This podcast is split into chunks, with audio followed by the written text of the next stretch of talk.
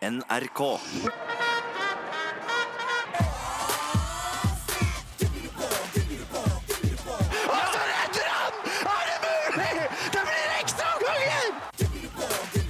Timeout. En håndballpodkast fra NRK Sport.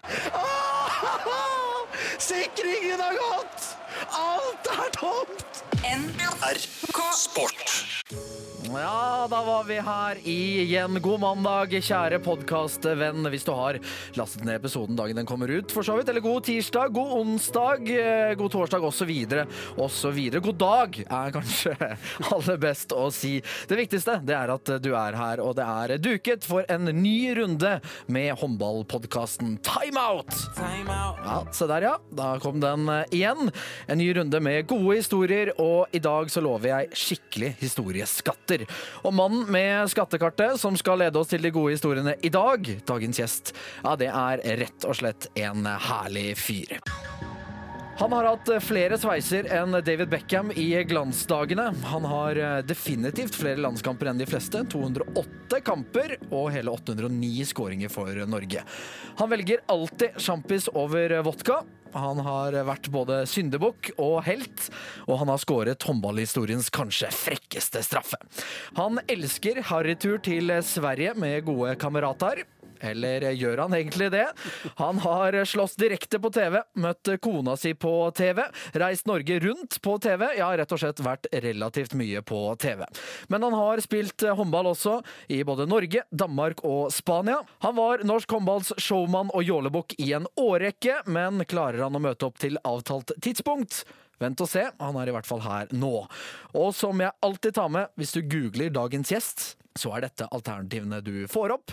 Høyde, Instagram, kjæreste, blogg, straffe og lettkledde bilder. Håvard Tveten, velkommen hit. Holy guacamole. Det var en sinnssyk introduksjon. Ja, Var det noe du beit deg merke i? Hvor skal vi starte med nå, da? Ja, jeg syns vi på en måte bare skal hoppe i det siste først. Ja. Ja. Eh, Håvard Tveten om de lettkledde bildene. Det er altså eh, ganske høyt oppe på Google. Ja. Eh, og der står det også 'det hender jeg googler meg selv' ganske ofte. Det er overskriften. Oi sann. Eh, gjør du det, og hva slags bilder er det vi snakker om her? Å ja. Eh, bedriver masse googling av meg sjøl, eh, Patrick. Nei, jeg er jo ikke det, da, men, eh, men eh, eh, det har hendt at jeg har googla meg sjøl. Eh, og da er det jo ofte, mm, heldigvis, da, så kommer det opp ganske masse håndballbilder. Ja. Og så dukker det opp eh, noen bilder der eh, som ble tatt for mange, mange år siden eh, av en fotograf i eh, Danmark. Som vi kan kalle ikke håndballrelatert på Så- mange måter. Som var til et sånn bymagasin, som ble sendt ut, sånn kafémagasin. Og, og der jeg ligger på et sånt persisk teppe med, med litt sånn olja bryst. Eh, og eh, prøver å stramme opp sixpacken så godt jeg kan. Ja. Og så ligger jeg liksom og og myser litt opp på, eh, på kameralinsa. Dette bildet har forfulgt meg i mange år. Det kom jo da selvfølgelig på mitt dobbeltside i eh, Dagbladet, og ja, dette var før internettets eh, tid. Men det har likevel rukket å spre seg ganske bra over internett etter internettet kom. Ja, noen har tydeligvis klart å få dette bildet ut det jo eh, www.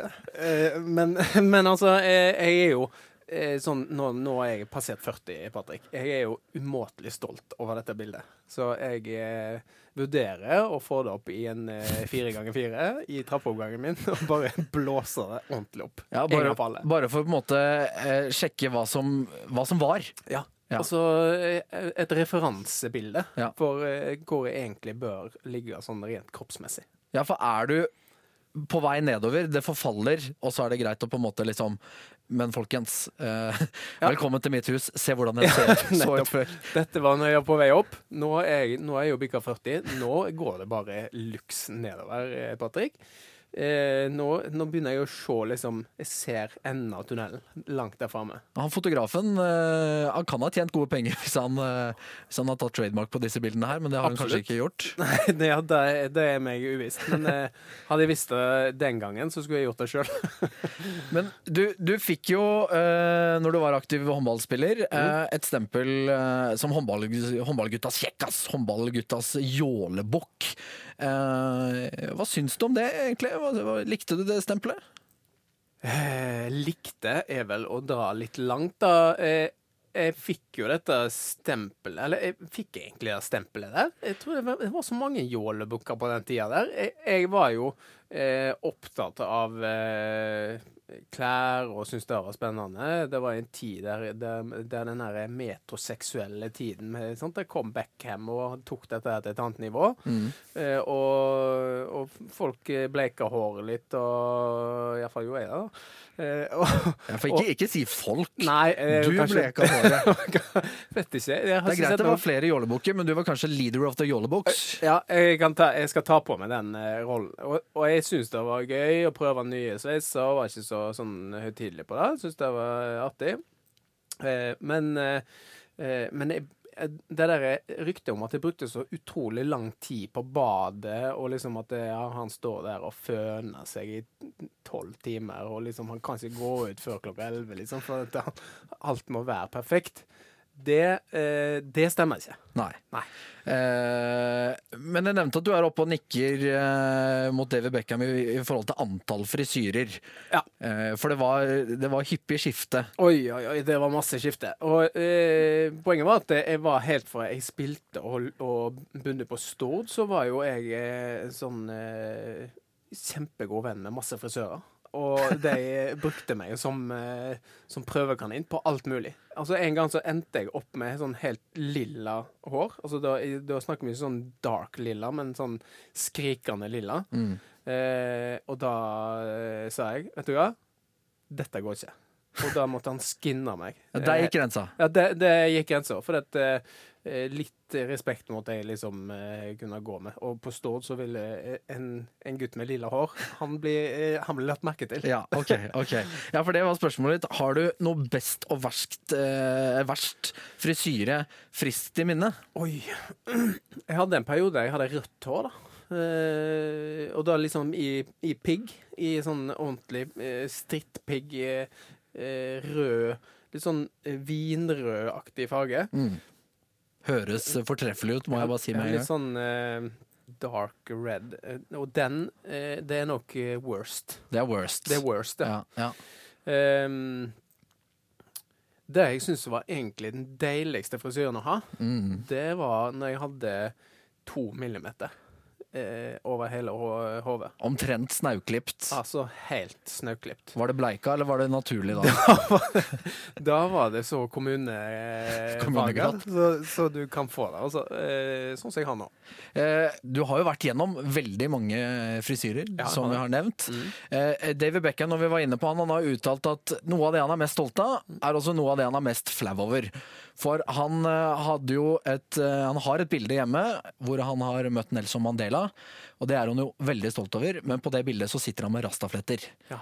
Har du et sånt eh, noe du på en måte husker, eller et bilde frist i minne på en måte som eh, du tenker dette var et stolt øyeblikk for meg, men herre min hatt og jeg ser ut. Ja.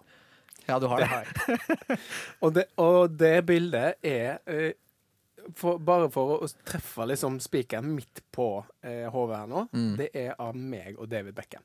Og det er det! Det er det.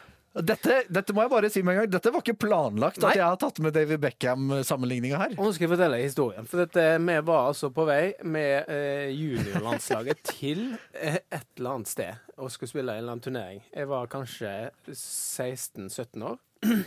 Hadde en periode der jeg var litt sånn eh, Da hadde jeg litt sånn eh, hiphop-aktig periode. Selvsagt. Hadde, ble, hadde selvfølgelig bleika hår, men litt sånn litt lenger, da. Mm. Da hadde Be Beckham dette her eh, Da hadde han dette litt sånn lengre håret, han òg, med striper og sånn. Også, Nedover langs siden, på en måte. Nedover ja. langs siden sånn, litt sånn slek til sida. Og så kom vi til Da var vi altså på Fornebu, gamle flyplassen Fornebu. Vi snakker nå langt tilbake til dere unge lyttere som hører på. Eh, Det var altså en flyplass der. Før Gardermoen, folkens. Før Gardermoen. Ja, Og da kommer disse eh, Manchester United eh, med jeg tror Ronny Johnsen og masse Det var noen nordmenn der òg. Men eh, da er det jo eh, unge Håvard Tvedten da, som manner seg opp, går bort. Can I take a picture with you? Please, Mr. Beckham. Mr. Please. Beckham, please. Da har jeg på meg en eh, blå sånn billabong, eh, stor eh, sånn genser. Og så har jeg da altså kjøpt solbriller som er litt sånne racing-solbriller med sånn strikk som går rundt hele panna. Litt sånn eh, store goggles som, er, som, som dekker hele, eh, hele øynene. Så de har jeg oppå da panna. Og jeg føler meg bare som den kuleste. Liksom Beckham han står i suit da og har liksom sånn lite Manchester United-emblem på brystet. Ja, for de var, på- de var på jobbtur. De var på jobbtur. Ja, ja. Her kommer norske eh, smågutter som skal ut med juniorlandslaget. så- Men jeg, jeg følte meg jo ti ganger kulere enn han, da. Ja. Eh, Det, så- er- det er ganske drøyt å si. ja, det er ganske drøyt å, å si, eh, men da var jo sjøltilliten på topp, da. Men eh, dette bildet har jo jeg funnet fram i senere tid, og så kul var jeg ikke. Det skal jeg ærlig innrømme. For det bildet henger ikke på veggen. Det henger ikke på veggen. Det, det er på Instagram et eller annet sted, altså eh, bak i, i, i litt lenger ned i leksa der. For sånn eh, down memory lane. Men jeg må si da at eh, sånn som nå, så ser jeg at Beckham han, han hadde nok skjønt det litt før meg, da. Ja. I forhold til eh, hvordan man bør se ut. Ja.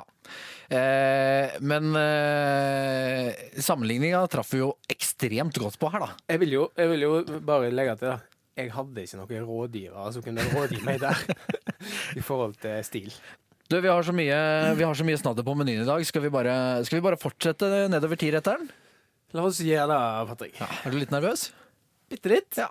Det blir morsomt her. Det blir morsomt her. Time out, time out. Det er Time Out du hører på håndballpodkasten hvor vi har Håvard Tveten som eh, gjest. Eh, og jeg tenkte vi skulle bevege oss litt gjennom eh, karrieren din. Jeg nevnte i starten at du har spilt i, i Norge, i Danmark og i Spania. Du spilte jo i Aalborg i både starten og i slutten av din håndballkarriere. Eh, Hva har den klubben betydd for, det, for deg? Den klubben der ble jo på en måte min eh, klubb i mitt hjerte veldig fort. For det, det var en veldreven klubb eh, fra starten av, men veldig sånn uprofesjonalisert. Eh, og så ble man kjøpt opp av et fotballag, og så, og så var jeg liksom med og bygde opp på en måte litt den, den eh, kulturen og det som, som denne klubben til slutt har blitt nå, da. Eh, så Eh, så det å komme tilbake der også, eh, og være med og vinne både eh, altså danske mesterskap og, liksom løfte trofeer for den klubben, og, og lede den sånn som jeg, jeg fikk lov til de siste årene, det har vært, eh, det har vært veldig spesielt og, og, og en veldig sånn viktig del av min karriere, altså. Ja, for Sjefen sjøl, Jan Larsen i Aalborg, han beskriver deg som den beste ambassadøren Aalborg noen gang har hatt. Eh, ja, han gjør det. Og dette er jo en klubb som har hatt utrolig mange store navn på, en, på lønningslista. Eh, norske navn. Christian Kjelling, eh, Sander Sagosen, bare for å nevne noen. Det er ganske mange både norske og, og, og andre stjerner som har vært i, vært i denne klubben. Og du har også fått såpass legendestatus at nummeret ditt er fredet i Aalborg og skal ikke brukes igjen. Eh, hva i all verden har du gjort for å klare å få det inntrykket som de sitter igjen med der nede?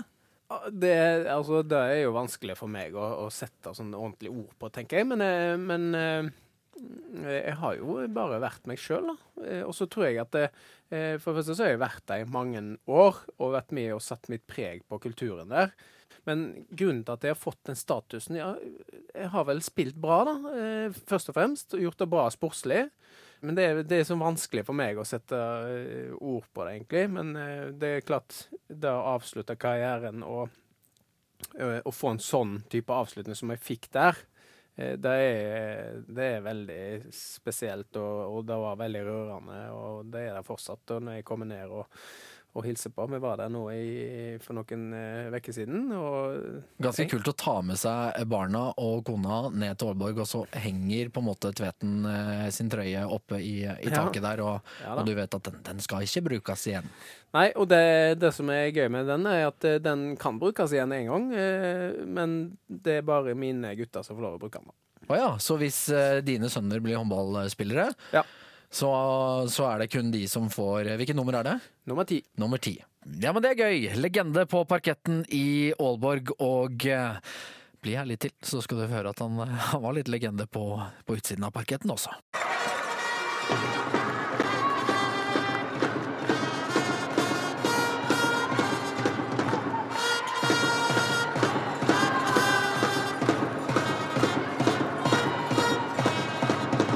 Du, jeg har jo eh, mine informanter eh, som jeg har snakket med selvfølgelig under dette, eller før dette intervjuet. Tror jeg på. Eh, og jeg, eh, jeg skjønner jo at du bodde på noe i Aalborg som, som het The Crib.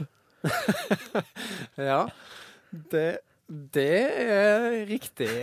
Eller Eller gikk under navnet det, Altså, det, den leiligheten hadde mye, mange navn. Ja. Eh, Ja, for det, bare så det er klart, det var jo ikke en leilighet som het The Crib som dere kjøpte. Nei. Eller leide. Det, det, den fikk tilnavnet The Crib pga. deg og Og Børge Lund, da, som jeg bodde sammen med. Ja. Um, og så, eh, da gikk det eh, Det gikk jo på den tida et program på MTV som het MTV Cribs. Ja.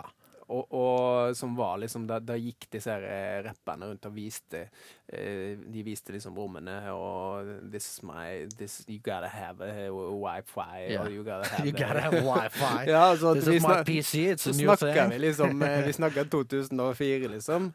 Og så sant, og Shaquille O'Neal hadde en seng som var rund på fem ganger fem meter. Liksom, og det var sånn Og vi var ikke helt der, da. Nei. Din romkamerat eh, Børge Lund han sier at han drar eh, eh, paralleller til deg eh, og kona hans.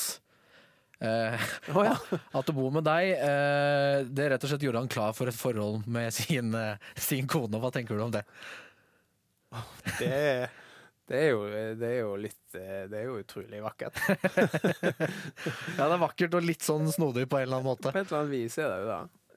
Ja, da, jeg, jeg- jeg vil jo si at jeg, jeg, vi hadde jo en veldig sånn god fordeling, da, jeg og Børge, i, i vårt samliv. Eh, vi visste veldig godt hvem som gjorde hva. Eh, jeg var Jeg støvsugde, jeg liksom eh, holdt styr på det. Du var kona i Jeg forholdet. var, litt, jeg var litt, egentlig litt kone i forholdet. Ja. Eh, ja, ikke, ikke på alt, da, men eh, Men eh, Men vi hadde en veldig god fordeling. Og sånn eh, det å handle inn og liksom Vi, vi levde som, eh, som et godt Ordentlig godt par. Et godt ektepar, rett og slett. Et godt ektepar. Så jeg skjønner godt jeg, at han, eh, at han eh, følte seg klar da, til, å, til liksom ta det ett steg videre da, og liksom få et, et fullverdig kone. fullverdig kone. Så, så kunne gi han absolutt alt. Jeg nevnte jo i innledningen her, Håvard, at uh, du velger sjampis over vodka hver eneste gang. Eh, og da tenker jeg litt på en håndballtradisjon. Jeg tenker på botkassetur. Ja. Det, Uh, og jeg tenker på en botkassetur med Aalborg her. oi! ja, ja, ja. Ja, en bøtekassetur, eller det som man kaller den, det er jo når alle bøtene når du kommer for sent og man betaler en. Og det kan du si jeg var flittig i, i bidragsyter til den eh, posten der. Men eh, Ja, for er det én ting du ikke kan, så er det å komme tidsnok. Ja, eh, jeg er tidsoptimist, da. Så Ja. jeg, jeg føler alltid jeg lander sånn eh, rett rundt møtetidspunktet. Men eh, det hender at jeg tar med litt vann over hodet. Men eh, Kan jeg personlig skrive under på at oppmøtetidspunktet for deg er noe helt annet enn når du faktisk kommer. Eh, ja, denne botkasseturen. vi drar altså da til eh, Mallorca. Til eh, dette stedet som er ikke det, liksom den fine delen av Mallorca, men den mer rølpete delen. Eh, der det er bare masse eh, tyskere og briter, og det er rølpestemning. Og, Ja. det, og, og jeg er ikke så veldig glad i den type miljø, men eh, lojal som jeg er, blir, blir jo med, da. Ja, ja. Og, og, og her er vi inne i et eh, sånn svært eh, diskotekaktig sted. Hvor det er sånne tappekraner på to meter, og det er så masse Det er bare øl, øl, øl, øl. øl. Og, og, jeg, eh, og så er det vodka, da. Eh, Men eh, og jeg, ja, ikke i litersglass, etter hva jeg skjønte. ja, det var sånn, Du kjøpte sånn mojito på sånn tre liter og sånn, med sånn sugerør, spiralsugerør. Det var, var så harry så du får det. Og, og jeg og Kjelling var ikke så eh, veldig fan av det. Nei, for det er det bildet jeg har fått beskrevet. Eh, Gutta, eh, gutta, gutta, gutta på bordet med øl og vodka. Ja, ja. Og borti hjørnet der står eh, Kristian Kjelling og Håvard Tveten med ei lita sjampis og et par sjampisglass. Ja, eh, det er helt riktig. Og det handler jo eh, nok mest om oss, altså. og at vi, er de vi er. Så vi skal ikke skylde på at vi ikke liksom vi tok han jo ut, da. Eh, Men eh, det er denne drikkinga med sånne der svære sånne bøtter med, som, jeg, som jeg bare ikke finner så tiltalende. Så jeg, jeg er nok litt fin på akkurat det, da. Ja, for det jeg skulle akkurat til å si, eh, dette er et ledende spørsmål, Ja. eh, for jeg har reist med deg også. Ja. Er du litt fin på det? Er litt fin på akkurat de tingene der. Ja, For du går ikke inn hvor som helst, eller spiser hva som helst, eller drikker hva som helst av vin. Skal gjerne Jeg tror aldri har sett en mer profesjonell vinsmaker enn deg, uten at du er profesjonell vinsmaker. Latter som jeg er, da, vet du. Ja, det er litt den derre Åh, er det eikenøtt? Er det eikenøtt? Et, et hint av eh, chocolate. Nei, det, det er riktig. Og jeg, jeg er veldig glad i champagne og bobler og, og vin og god mat og alt sånn. Jeg er mindre glad i den der eh, to meter tappe ølgreiene fra Deutschland, og sånn der scooter på full Scooter! Skota! Move Your Ass-sangen til Scooter på full på Høyttaland. Da eh, måtte vi gå bort til hjørnet, jeg og Kjelling, og ta en liten timeout. Åh, det passer fint. Ja. Time-out. Timeout? Time out, time Du, det, gikk, det gikk jo veldig bra, eh, Målborg, mens, eh, mens du var der, mens du, mens du spilte. Det var ute og spilte Europacup, eh, blant annet. Å ja. Eh, hvordan var det å reise rundt og på en måte bo på hotell og, ja, i f.eks. Sveits? Ja. ja. Vi var da hadde spilt i Sveits. Hadde eh, vunnet, går jeg ut ifra. Fikk da lov til å eh, ta en liten eh, tur på byen, som eh, man ofte gjør når man er på europacuptur.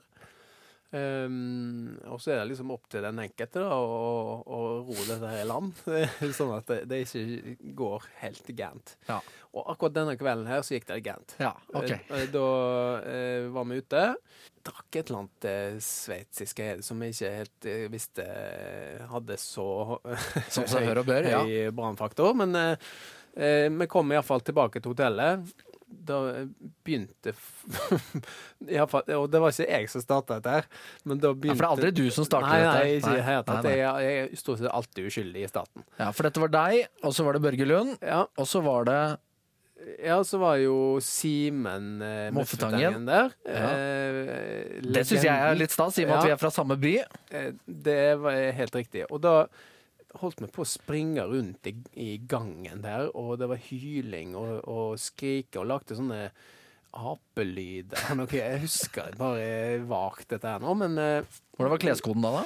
Kleskoden var eh, eh, Den var fri, og det betød eh, ingen klær. Nei. Det var helt nakent, og vi sprang rundt omkring i sånn Det var en sånn rund eh, det, men vi sprang rundt og vi banka litt på dører og var litt sånn eh, Så er det tre håndballegender på mange måter som løp nakne rundt i et hotell i Sveits. Vekte hele hotellet, deriblant sjefen i Aalborg og alle Ja, han ble jo lynings da når han kom ut, og, eh, og spanna så hardt på dansk som eh, man kan bare tenke seg. Og på et eller annet tidspunkt så var en av disse tre nordmennene som trykte på en eller annen form for rød knapp. Og, og da gikk det en eller annen alarm. Tipper det var brannalarmen. Ja. Ja. Og da eh, var på en måte litt festen slutt, da. Da var festen slutt. Da. Da gikk vi og- da gikk vi og la oss. Ja. Eh, du, jeg tror vi bare finter oss raskt videre gjennom det som har vært et ellevilt, eh, høres det ut som, og ganske langt håndballiv. Eh, vi gjør som du gjorde i glansdagene. Vi tar imot en flyvepasning, vi, og så skrur vi elegant videre til eh, neste tema.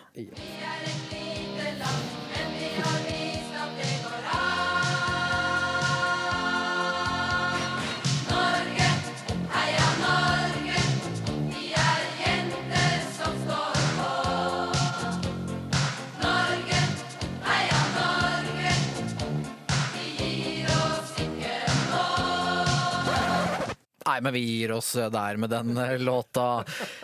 Terningkast. Ja, det er en, en, en eh, femmer. Altså den eh, Ja, for det er en slager. Kjempeaddiktiv, da, den ja. sangen der. Du, eh, dette var jo håndballjentene fra gode gamle dager. Eh, og må kunne kalle deg også håndballgutt fra gode gamle dager. For du eh, spilte jo eh, på herrelandslaget, og det er nok der de fleste kjenner deg eh, fra.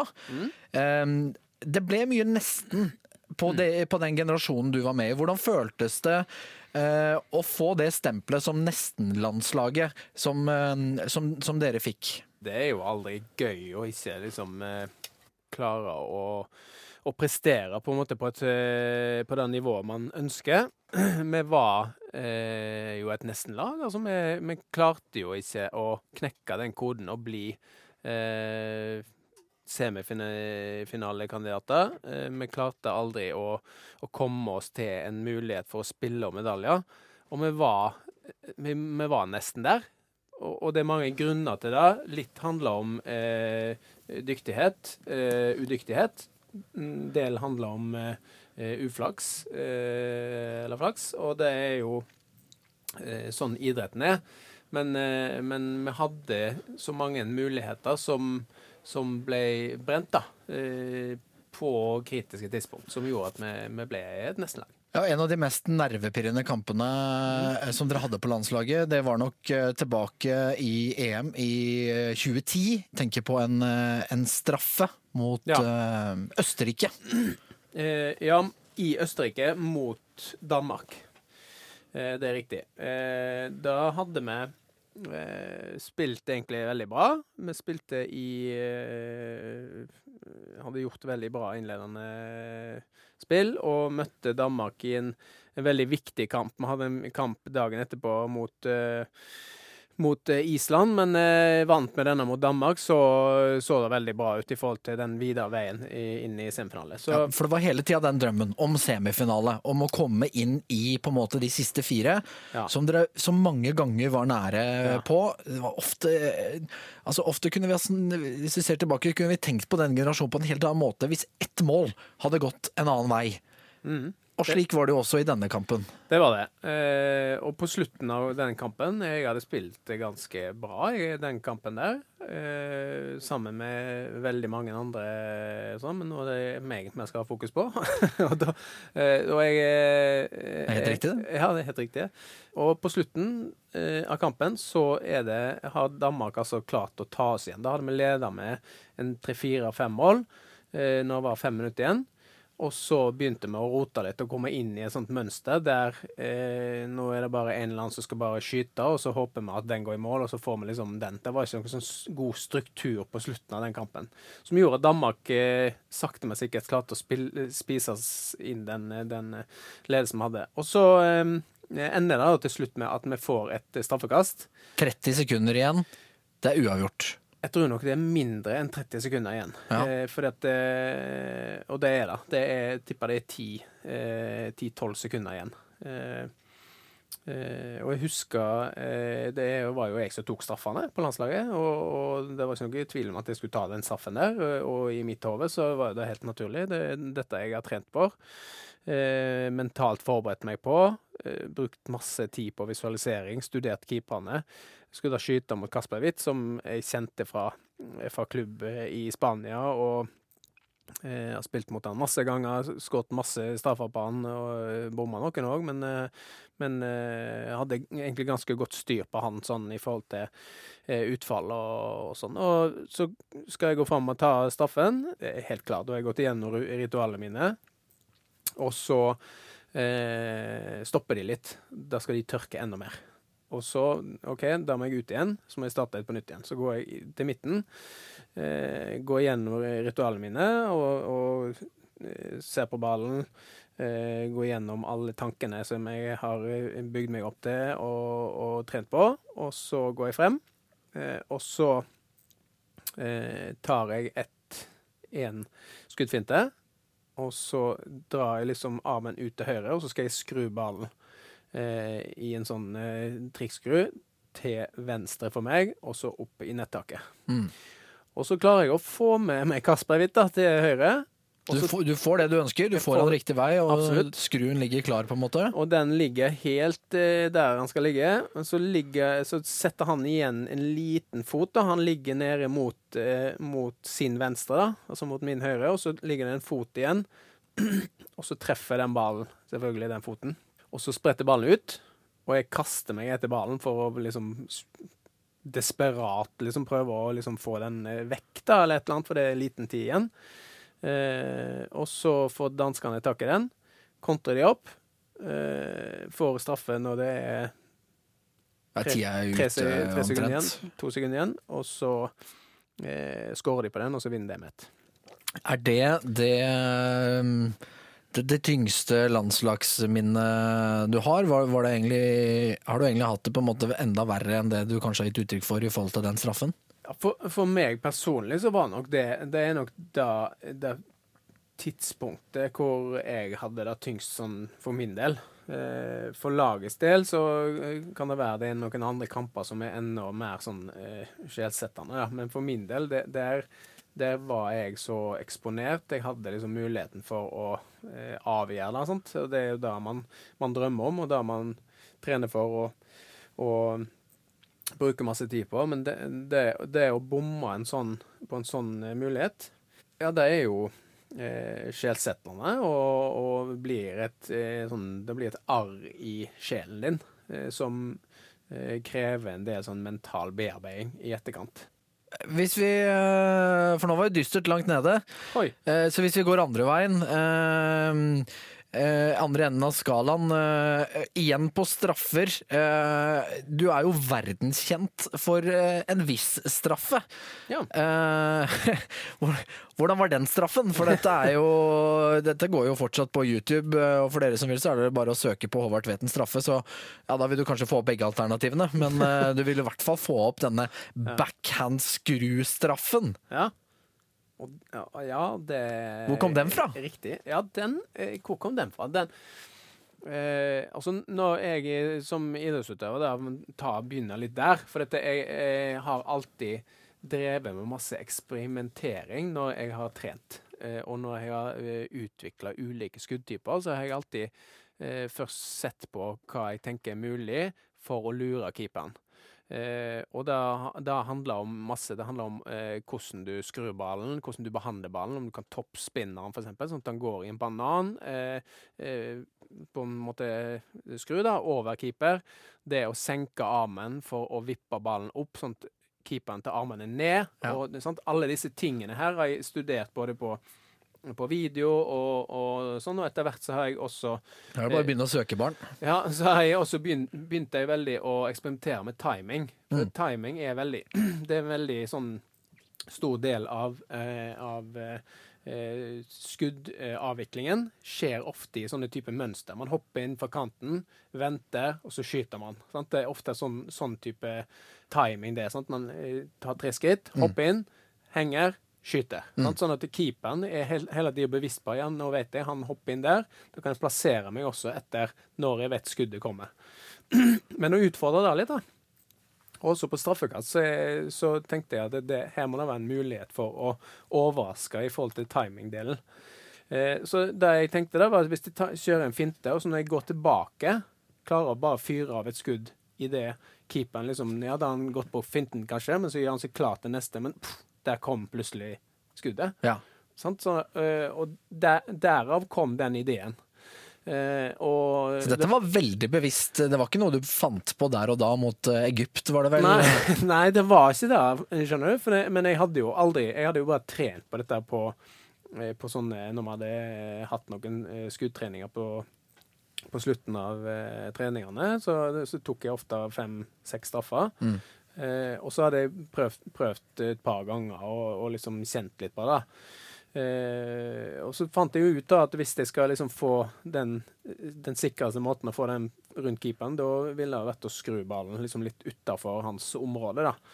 Så da prøvde jeg å liksom legge inn en backhand med, med god skru på. Eh, og så er jo utfordringen her det, det er jo på første å gjennomføre ordentlig eh, troverdig, og så må den skruen helst treffe der den skal. da. Mm. Eh, så da eh, Det gjorde det denne gangen, i hvert det fall. gjorde det den gangen. Altså, jeg hadde ikke trent sånn psykomasse på det, men jeg hadde eksperimentert med det.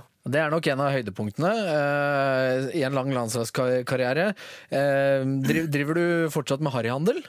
Harryhandel eh, har jeg aldri drevet med, eh, Patrick, men det, det er veldig mange andre som har vært på, på harryhandel. Ja, for landslaget har vel strengt tatt vært på, på en harryhandel, eller en gre grensehandel, kan vi kalle det.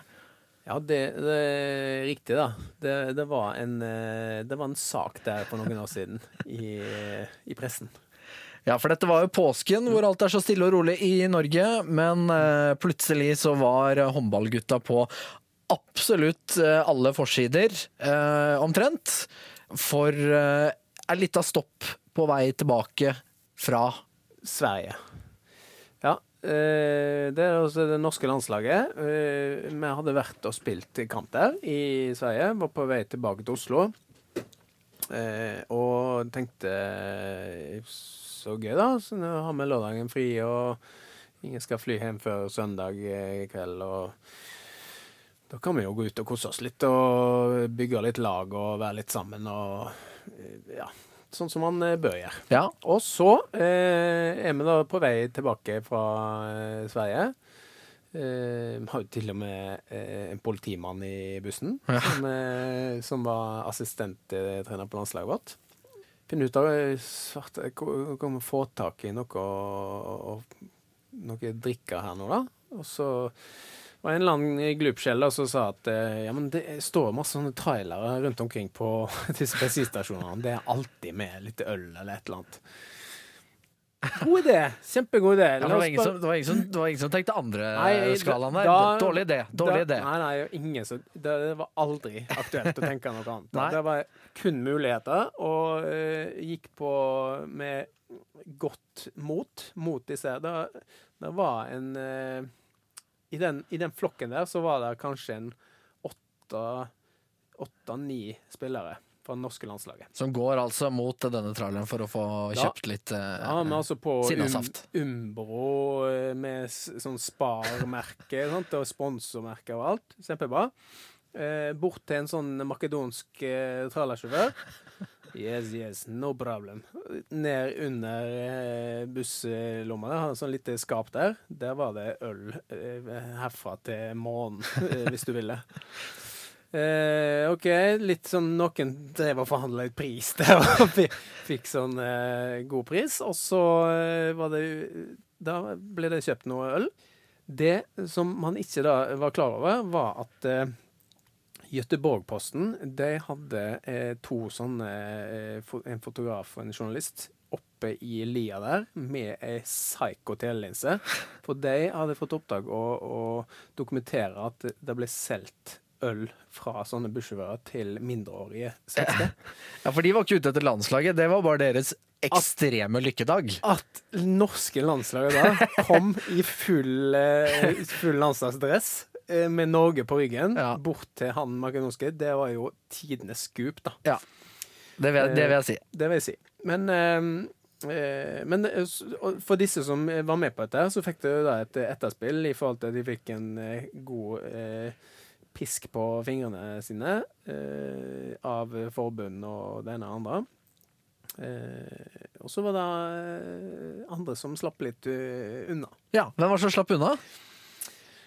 Nei, det, vi var et par Hvem var som slapp unna? det, det, vi var, ja, jeg slapp unna. Ja. For dette, jeg, var, eh, jeg var altså så smart, vil jeg si, Ja. at jeg hadde hetta godt pakka godt over meg, så det var ingen som så meg på de bildene. Skal vi kalle det smart, eller skal vi kalle det bare ren, skjær flaks og Altså tilfeldigheter? Når man har vært med eh, på litt uh, rølp eh, tidligere, så vet man at her er det viktig å holde lav profil. Ja, her er det sannsynligvis en fra Göteborg-posten som er i nærheten og ligger oppi lia. Man kan aldri vite hvem som ligger oppi lia av bildet. Så, uh, så jeg slapp billig unna akkurat den, da.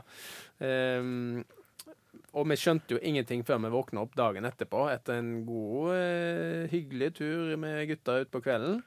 Eh, det ringte Gry, som er hun eh, materialforvalteren på landslaget. Hun ringte 'Har du sett VG, eller?' og da var det jo midtsidebilde av gutta da med han hyggelige makedonske eh, bussjåføren. Trallersjåføren. Timeout. I dag så har jo håndballgutta en, eh, en ganske annen status enn det det var før. Nå har man på en måte virkelig fått uh, gjennombruddet internasjonalt. Um, hvordan har det vært å, å følge det fra kommentatorplass? For det, det gjør jo faktisk vi sammen, og det er jo veldig trivelig. Det akkurat da er veldig trivelig, Patrick. Det har vært eh, utrolig gøy. Uh, og det er sikkert mange som kan tenke at det, det er en sånn ja, men det må jo være litt bittert nå å se at når du ga deg, så lykkes Nå går det, liksom. Nå går det, Ja. liksom. Og det kan være det er akkurat derfor det går. Eh, men eh, nei, men spøk til side. eh, Det opplever jeg helt fra bunnen av hjertet som en fantastisk eh, opplevelse. Og, eh, og vi som har fått lov til å være så tett på disse mesterskapene og de opplevelsene som, som disse gutta har klart å skape for oss, det, det har vært eh, så utrolig gøy, og en litt, litt sånn forløsning for oss òg, da. Altså, jeg gråt jo mine modige tårer når de, i EM, når de kom eh, Ja, da satt jeg ved siden av og husker at det var eh, Da spurte jeg deg om et spørsmål. Jeg spurte om du kunne, om du kunne fortelle litt eh, dine inntrykk etter kampen. Da, da var det stille, og så trodde jeg det var noe gærent med headsetet ditt. Ja. Men så kikket jeg bort, og da var det bare noe gærent med deg. holdt jeg på å si. Ja, da var, Da var det noen tårer, Ja, det var- og det var, det var veldig rørende å se. Ja, eh, og det handler jo om at det, det, dette har vært en lang reise mm. for, eh, for oss og for det norske landslaget. Som, hvis du tenker landslaget som et lag, så har det vært en reise helt ifra eh, fra, For min del, fra jeg kom med i staten på, eh, på 2000-tallet, og fram til de da kulminerte i, eh, i ja, en eh, medalje der. Men, eh, eh, men eh, også den VM-finalen i Frankrike som, som kanskje er den største bragden. Polen ble jo gjennombruddet. Vi hadde jo eh, egentlig bare bestilt eh, hotell i en eh, uke og hadde flybilletter hjem etter gruppespillet. Eh, så måtte vi bli litt lenger. Eh, så måtte vi bli enda litt lenger. Eh, så det ble en veldig sånn spontan, eh, nesten guttetur for meg og deg i, eh, i nesten en måned nede i Polen. Eh, noe av det gøyeste med å, å kommentere med deg, er jo å få deg til eh, å le. Eh, for det gjør du relativt ofte, og, og jeg sier relativt mye rart. Det gjør du. Eh, så jeg beklager eh, stemmeleie her, men jeg tror vi skal bare ta et lite tilbakeblikk på et par av våre fine øyeblikk her. Og skal Norge kjøre kontra, og så er det Espelid Hansen! Og så er det norsk scoring! Nei. Og så er det tysk dommer som skal ødelegge festen! Vi har kjøpt inn kake og satt på hatter, og så skal du komme og skru av lyset! Ja, jeg vet ikke hvorfor han, eh, hvorfor han eh, blåser ut lysene på kaka. Men eh, Nei, det er selvfølgelig surt at vi, vi ikke får det målet der. Det kunne vi jo faktisk gått opp til Det blir altså brøyt på Espen Jansen. Fire, fire måls ledelse. Ja, hvordan er det å henge med i svingene her, når det kommer litt rare Litt Ja, rare, det- det kom- måter å kommentere på. Her kommer masse rart eh, fra deg, Patrick. Det er noe av det som jeg syns er det gøye med å kommentere, for det skal være litt følelser involvert. Og jeg blir jo engasjert, og du blir engasjert, og, og vi, vi sitter jo der. Og, men det er jo når du begynner å snakke om kake og Ja, For jeg vet ikke hvor sånt kommer fra. Nei. Det du- skal jeg ærlig innrømme. Ja, nettopp. sant? Og, og som også i, i jingle her, sant? Som, der du skriker dette er noe Man blir så satt ut, og jeg prøver liksom å og da holde hodet litt kaldt, da. Ja, For her hører vi at du prøver å tenke hvordan skal jeg bygge videre på dette? Men det var ikke så lett. ta den. Og eh, dommerne har jo blåst ut eh, lysene på kaka. de, har, de har jo det. Men eh, nei, det er veldig gøy. Eh, Det var jo stort i Polen, og kanskje det aller største eh, var eh, seieren mot Frankrike, som sikret Norge en semifinaleplass. Endelig så var drømmen virkelig. Og her må jeg virkelig unnskylde for en eh, forferdelig stemme, for her hadde det vært et langt mesterskap. Frankrike har gitt opp! Klokka tikker ut, og der er Norge i en historisk EM-semifinale! Finn fram medisinske apparater, for det er sjokktilstander i Krakow! Altså, beklager jeg stemmen, men feberen er i hvert fall borte. Ja, det er helt vanvittig. Altså, det har man vært vitne til her. Er, ikke, for folk som ikke, kanskje ikke har fulgt så godt med på, på håndball de siste, siste ti årene, så er, er dette en, eh, det er en vanvittig idrettsprestasjon. Ja, hvordan var dette å, å, å høre igjen? Eh, Jeg kjenner at eh, jeg får, jeg får på en måte gåsehud av bare å tenke på øyeblikket igjen. Ja. Ja, man, man går jo tilbake igjen til, til dagen og, og kvelden dette skjedde, og det, eh, det Det var jo vanskelig å liksom finne superlativer nok til å forklare hva dette eh, var for noe. Og, og, og, ekstra kanskje for, for meg, som har vært med og, og bygd liksom opp litt eh, til dette her, da. Så en fantastisk idrettsprestasjon er jo det, det er ikke godt nok. men, men, men jeg syns jo eh, uansett at eh, det, det, kommer veldig godt fram, de følelsene som, som du spesielt klarer å formidle her. Og så håper vi på, på flere sånne øyeblikk Å sammen. ja, det, og det skal vi. Det skal vi. Det skal vi. NRK.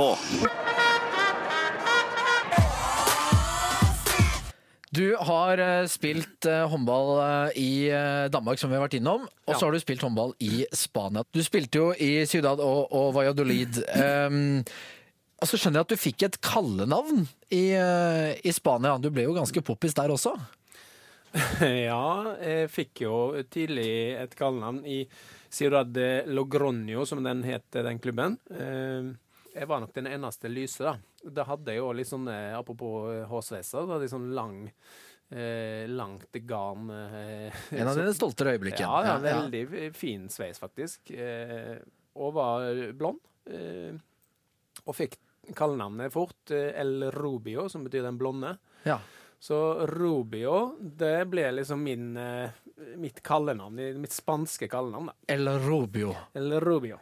Det er litt sånn Matador-aktig over dette her. Ja, og så ropte, ropte 'Rubia loca!' Ropte og så ropte liksom, så vifta jeg med sånne hvite Ja, for dette, eh, Spania er jo et veldig stort håndball, eh, en veldig stor håndballnasjon, og en eh, nasjon som bryr seg utrolig mye om håndball. Ja. Eh, det var en episode i, i Spania eh, med det som jeg kaller direktesendt MMA, med eh, Tveten in the blue corner og eh, spansk landslagssjef Pastor in the red corner. Ja. Hva var dette for noe? Ja, det, det er faktisk utrolig eh, sånn fisk på land eh, i forhold til hvordan jeg egentlig er, da. Men eh, det, det er viktig å se at jeg, når jeg kom til Spania, så ble jeg plutselig spanjol, altså. Jeg fikk sånne jeg Men sånn ble la- du den typen som begynte sånn å, å legge på sånne espa- Espacito, Ja, Men det var sånn, jeg banna på spansk, og Ja. jeg liksom, når jeg ble irritert, så liksom sa jeg det stygge tingene på spansk. Jeg trenger ikke gjenta de, da. Nei, jeg skal ikke det. Men eh, jeg ble veldig sånn latino, da. Satt opp til publikum og hei, og liksom ble den typen. Altså, El, el ja. Ja, ja, sant. Og, eh, og, og så hadde vi Vi spilte en kamp. Eh, vi tok ut keeperen, sånn som han òg gjør nå. Eh, jeg på med sånn trøye og sånt, og da er jeg keeper. Og jeg var kantspiller, så jeg var nærmest benken. Eh, og det var begynte å bli jevnt, og det ene med det andre. Dette gikk direkte på TV. Guro, kona mi, satt hjemme og så på dette. Mm. Eh, og, mm, og så, og så eh, skårer vi, og jeg skal egentlig ut og bytte med keeperen, men så ser jeg at eh, eh, at eh, de kaster ballen eh, mot midten. Og jeg tenker jeg må jo inn og stå i mål, nå, hvis ikke så skårer de bare direkte. Ja. Men så går ballen over midten.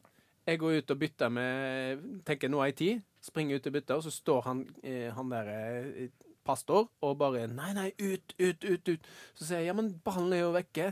Ut, ut, ut. Nei, så bare river jeg til han, og så sender jeg keeperen ut. Og så sier jeg ballen ligger jo langt ute, vi har tid til å bytte. Og så liksom skubba han liksom litt til meg, da. For dette var din trener, Ja, min trener. og som også da var spansk landslagssjef. Ja, han eh, var iallfall tidligere. Han var ikke da på det tidspunktet der, tror jeg. Men uh, han En stor hadde- håndballpersonlighet. Han har vunnet VM i Spania, Ja. og en av de mest kjente Han trener Pikseged i uh, Ungarn nå. Uh, og så skubba han litt til meg, da, på benken der. Og uh, latino som jeg da var, kliner jo jeg tilbake. Måker til han i brystet, så han liksom detter bak og smeller liksom hele kroppen sin baki. Og så eh, går han opp til meg igjen, og så liksom gir han meg sånn lite puff igjen. Og så tar jeg bare og, eh, og liksom tar han inn til veggen, så nå stopper du. Du angriper treneren din, rett og slett. Og så eh, fant meg ikke noe shit. Eller Rubio tar ikke Ja, og det er jo utrolig mange eh, eksempler på det der. Eh, Kasper Witt, som, jeg- som jeg eh, snakket om tidligere, han spilte jo i, i Admiral Leon, Og han, han eh, ble jo fika til av treneren sin.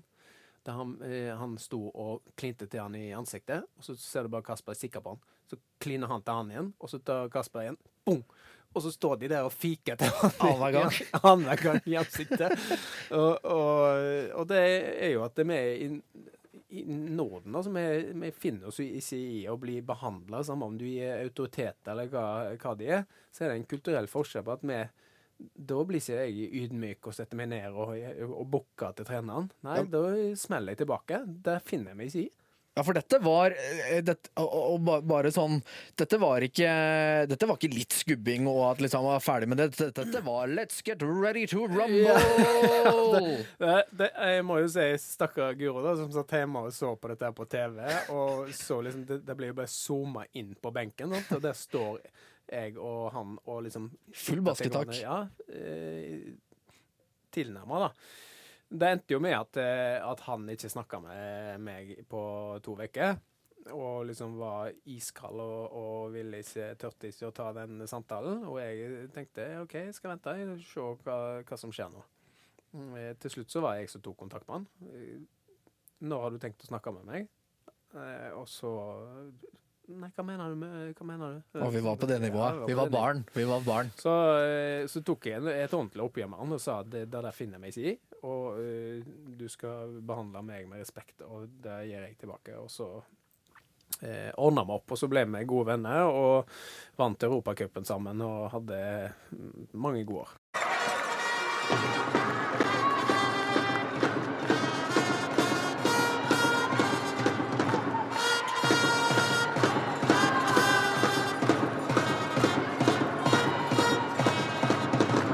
Nå er det din tur, eh, kjære podkastlytter, for vi slang ut et bilde av Håvard på Instagram, og så kunne dere få lov til å komme med spørsmål. Og det har dere gjort, og masse spørsmål kommer inn. Eh, Det er jo en liten stund siden du har spilt uh, håndball aktivt, uh, Tvetovic, så jeg syns det var litt morsomt spørsmål her. Uh, sikkert ikke ment morsomt, men jeg syns det ble veldig morsomt. Baldergutt06 uh, skriver Hvem er du? Ja, det, det er et fint spørsmål. Ja. Du får spole tilbake, Balder, eh, Ja. tror jeg. Jeg tror det er den letteste Ja, det, måten å det, det tenker jeg. Ja, da får du høre en del. Ja, flott. Vi, eh, vi kan ta noen andre spørsmål. Tuva Iversen eh, har et spørsmål til deg. Hei, Tuva. Hei, Tuva. Du, hva var det beste med å være håndballproff utenom selve håndballen? Ja, det er definitivt den eh, friheten man har. Eh, jeg har jo fått barn, eh, hadde det når jeg eh, spilte aktivt. Og det å ha tid og mulighet til å være masse sammen med barn og familie, det er definitivt det aller, aller beste. Eh, Martin Myrhaug har også kommet med et eh, spørsmål. Hei, Martin. Hei, Martin. Eh, hvem er Og dette er bra spørsmål, syns jeg. Ja. Beste med- og motspiller? Oi, ja. Det syns jeg er et fint spørsmål, Martin. Ja, det er et veldig godt spørsmål. Beste medspiller, det er, eh, tror jeg eh, Hvis de tar vekk landslaget, da, eh, som det blir litt sånn inhabilaktig eh, Men den jeg har spilt med i Spania, som heter Raúl Enterios, som er nå spansk landslagskaptein Kan ikke se i, i, i januar nå. Eh, han eh, er nok den beste sånn håndballspilleren jeg har spilt med. Han er, var ekstremt god og klok i nesten alt han gjorde. Og en fantastisk ballfordeler. Uh, ja, jeg må se han. Slenger et oppfølgingsspørsmål. Hadde du et forbilde når du var yngre? Å ja, eh, jeg kommer jo ikke utenom han, da. Eh, Simen Muffedagen. Simen Oftange, da. Ja. Så han er jo eh, Han er jo en spiller som var såpass tidlig ute med så mange elementer i håndball. Eh, han hadde vært god i Altså nå. Eh, Ja, for det, det er veldig mange i deres generasjon som jeg tror nevner Simen Moffetangen eh, som, en, som et forbilde. Ja. Eh, og, og for de som kanskje tenker men hvem er Simen Moffetangen, eh, så tror jeg eh, det, det er kanskje best forklart ut fra alle jeg har snakket med, er at det var eh, den da, datids Sander Sagosen, eh, men at hans karriere ble veldig oppstykket og ødelagt av, av skader. Jeg tror ikke vi fikk se det fulle potensialet til Simen Moffetangen eh, nesten noen gang. Eh, I hvert fall ikke hva han kunne vært. Og så har vi på en måte fått en ny eh, i Sander eh, nå. Er du enig med sammenligninga litt her? absolutt. Det, det er veldig god sammenligning. Og, og Simen er jo en som jeg har sett masse videoer av for å lære masse av. Og, og det samme bør unge håndballspillere gjøre av Sander Sagosen. Eh, men han var en foregangsfigur og en, eh, en fantastisk håndballspiller som jeg heldigvis da fikk eh, muligheten til å spille sammen med i i Aalborg på slutten av hans karriere, før han ble ordentlig skada og la opp. Vi fortsetter med lytterspørsmål. Vi har fått en fra en som kaller seg Wiman97. Du får nesten si hei, hei Viman97. Eh, ja. Eh, han lurer på Husker du første gangen du trikket ballen i mål i en profesjonell håndballkamp? Nei. Det, det gjør, ikke. Det gjør jeg ikke, dessverre. Men uh jeg husker veldig godt første gang jeg trikka i en landskamp. For det gjorde jeg i første landskampen jeg spilte, tror jeg. Og da var det fra, fra kanten? Da var fra kanten. Så da hoppa jeg inn fra kanten. Dette var mot Portugal i 2001, tror jeg, kanskje. Og eh, den gikk i mål. Heldigvis. Så der starta på en måte Der starta showmannen allerede i første match. Satt det i standard, da. Eh, Vi tar med oss det siste spørsmålet eh, som vi har tatt og plukket ut her. Det kommer fra David Kamil. Hei, David Kamil. Han skriver eh, «Ji jak robiatra se przed zawodami, poczara ziviata jak til vizdu ukladaja. Nettopp. Det er jeg helt enig med han. Du er enig, ja? Det ja? det jeg må jeg bare si at det han, eh, det, dette er noe han har tenkt på. Ja, jeg vet ikke. Jeg prøvde Google Translate der. Det er Ja. polsk. eh, Og det beste jeg fikk fram, var Vil du vise meg hvordan å gå en tur før VM-konkurranser? Hvordan arrangeres de?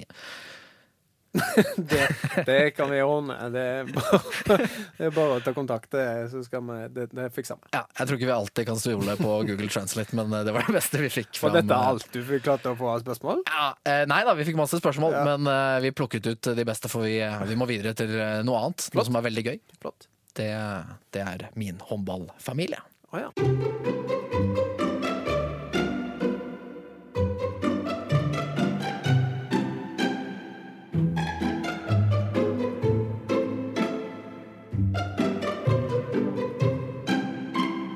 Da, det er fast spaltealarm, min håndballfamilie, som vi har med alle våre gjester. Og det fins et ordtak som sier det kreves en landsby for å oppdra et barn, og sånn føler jeg det er eh, med håndballspillere også. Eh, Man trenger bra folk rundt seg for å bli best mulig sjøl. Man trenger gode egenskaper rundt seg for å levere. Så Håvard, du som eh, alle andre gjester eh, skal ha plukket ut seks kvaliteter som du tenker er viktig å ha på et håndballag. På ditt håndballag, dette er din første syver. Eh, og så skal vi linke de til en håndballspiller. Hvilke seks kvaliteter har du valgt ut? Jeg har jo tenkt veldig på det håndballfaglige her. Eh, egentlig litt mindre på det sosiale utafor. Ja, men det er lov, det. Men det må, det må være liksom premisset, da. Ja. Eh, jeg har tenkt på de kvalitetene jeg har tenkt. Jeg må ha en som er uforutsigbar. Så vi har uforutsigbar, Ja. Jeg må ha en game winner. game winner, Jeg må ha en klok en. en klok en, ja. Jeg må ha en som skaper masse energi. Energiskaperen, kaller jeg han. Eh, en som er god på å lage god stemning. En humorist. Ja. Og så må jeg ha en eh, ordentlig maskin som kan slå ned folk. Ja, Og så er selvfølgelig du den syvende som skal inn på dette laget, så vi Ja. skal plukke seks lagkompiser. Eh, Vi begynner eh, med den uforutsigbare, vi, eh, herr Tveten. Hvem, eh, hvem er det vi skal ha med da?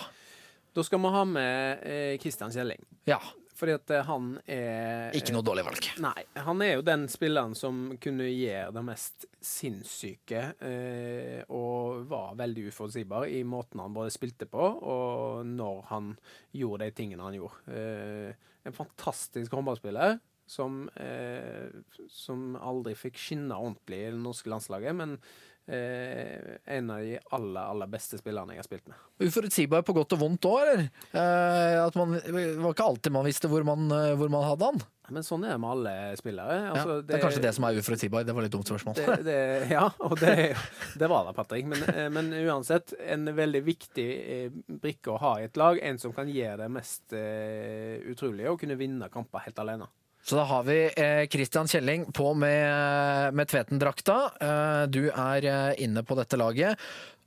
Og så har vi da neste egenskap, det er game-winneren eh, som du har satt opp. Det kunne jo gjerne også vært Kjelling, eh, som vant mange kamper for, eh, for Norge. Men hvem har du valgt ut her?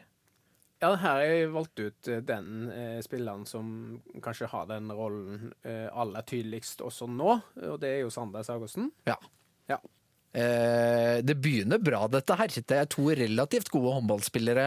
Oh, ja, ja. Eh, Selv om vi henger oss opp i kvalitetene her, så vil jeg ikke si at eh, De, de står, står ikke tilbake på håndballbanen, disse to. Ikke i det hele tatt. Eh, og Sander han besitter jo ekstremt mange kvaliteter. Så, hvis du tenker på en komplett håndballspiller, så er vel han det nærmeste man kommer da, sånn i internasjonal håndball nå, etter min mening. Og, og, og, men i tillegg så har han den dimensjonen der han eh, alltid søker, vil og skal ha ansvaret for å ta de avgjørende, både pasningene og, eh, og skuddene.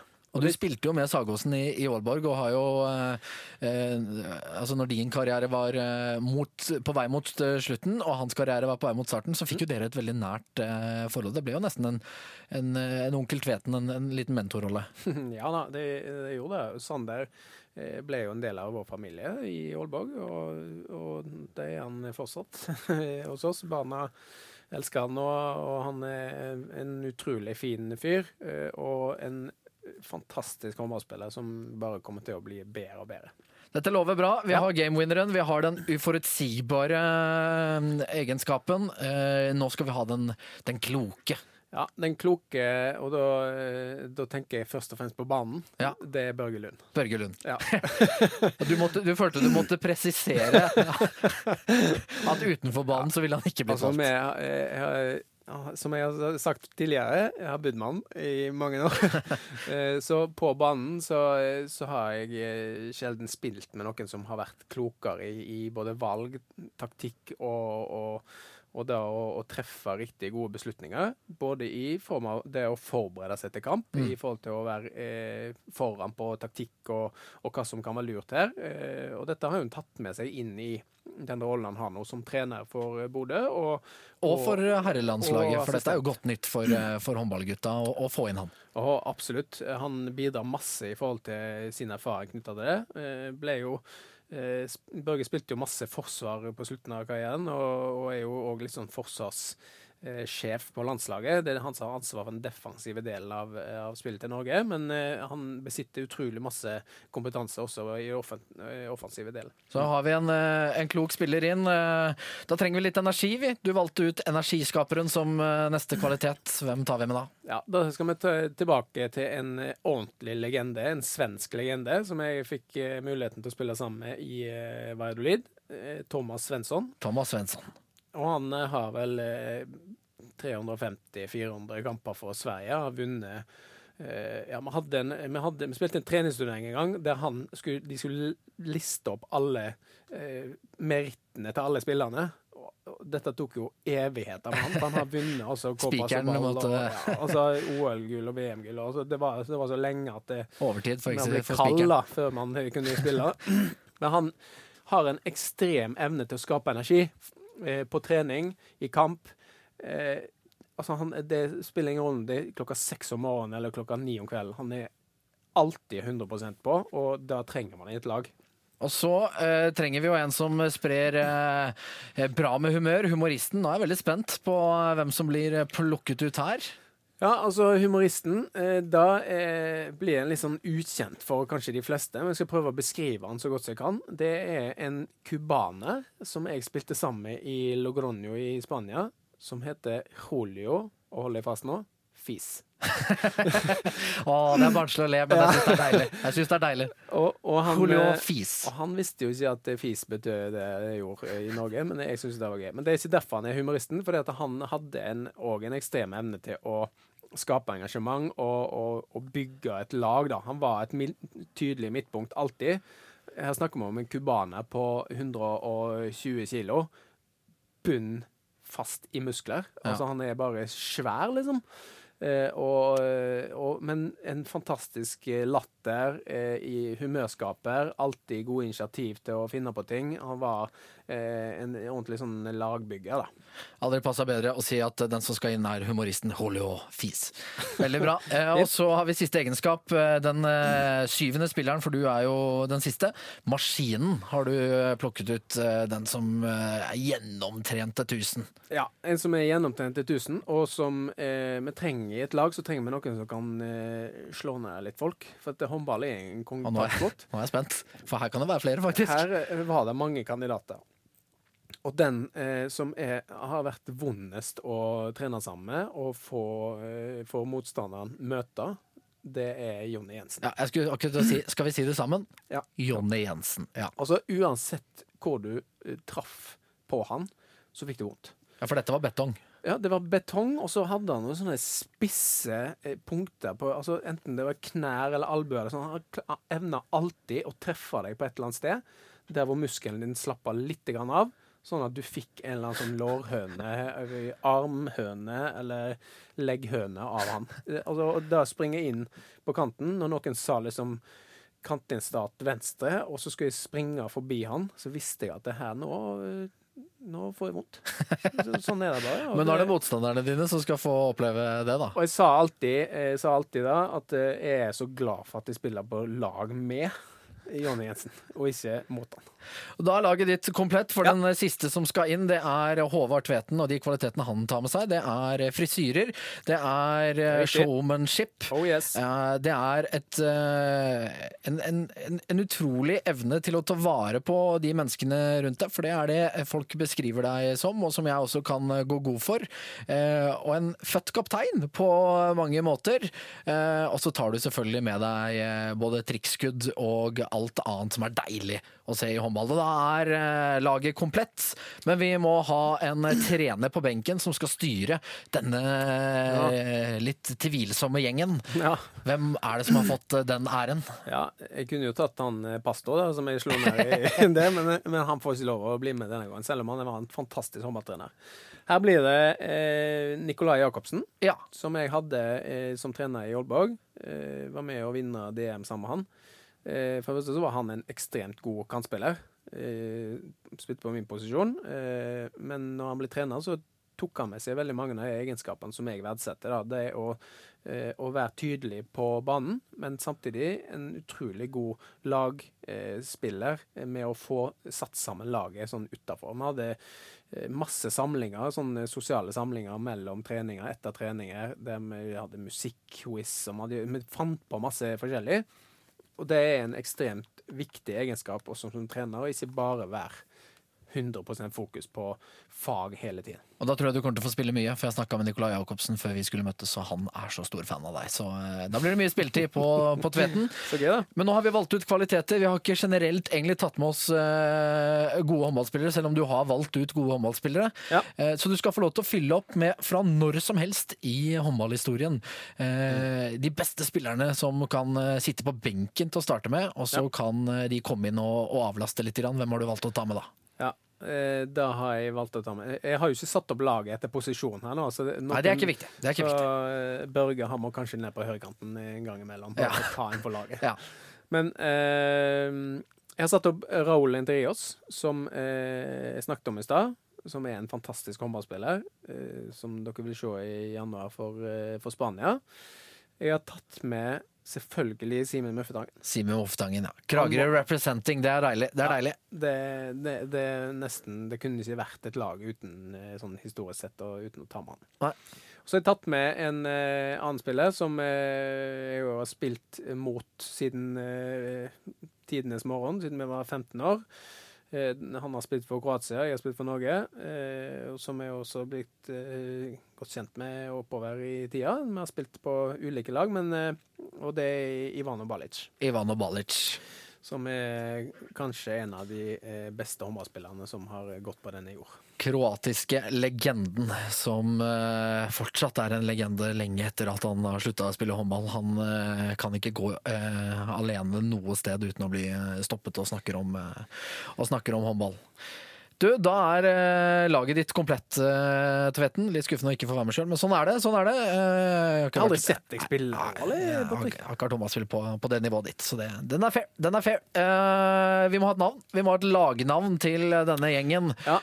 Det er jeg er litt usikker på hva jeg skal til. Jeg må bli sånn uh, Tveten Allstars. Tveten Allstars. Og for et lag det kommer til å bli Laget er komplett, og dette blir et deilig lag, Tveten Allstars. Eh, Og før vi avslutter, så skal vi eh, eh, ta dilemma som vi tar på slutten av hver episode. Og du har jo fått et dilemma som du skal svare på aller først. Det kommer jo fra Bent og Harald.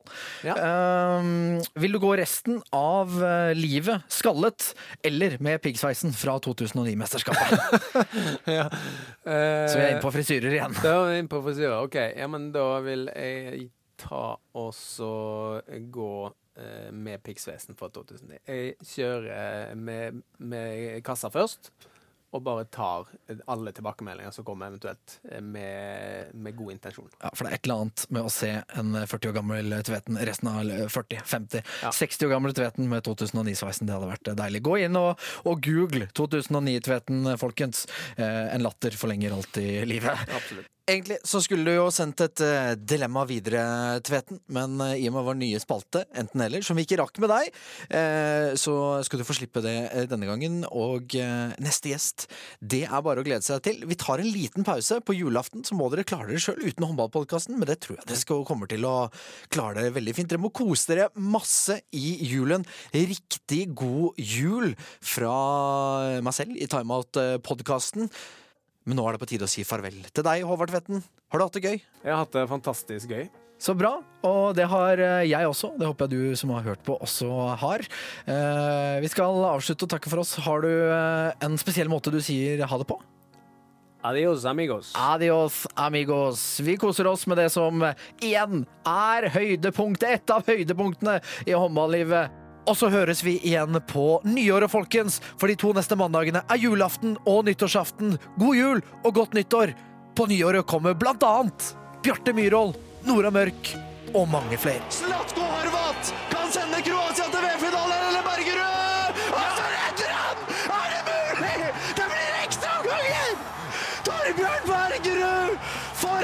en fantastisk spiller! Det er ekstraomganger i Paris! Sikringen har gått! Alt er tomt! Men Norge skal spille ekstraomganger! Er det mulig? Torbjørn Bergerud! Åh! Timeout. Du får en ny episode hver uke. Du finner den på nrk.no podkast eller i iTunes. NRK Sport. NRK Sport.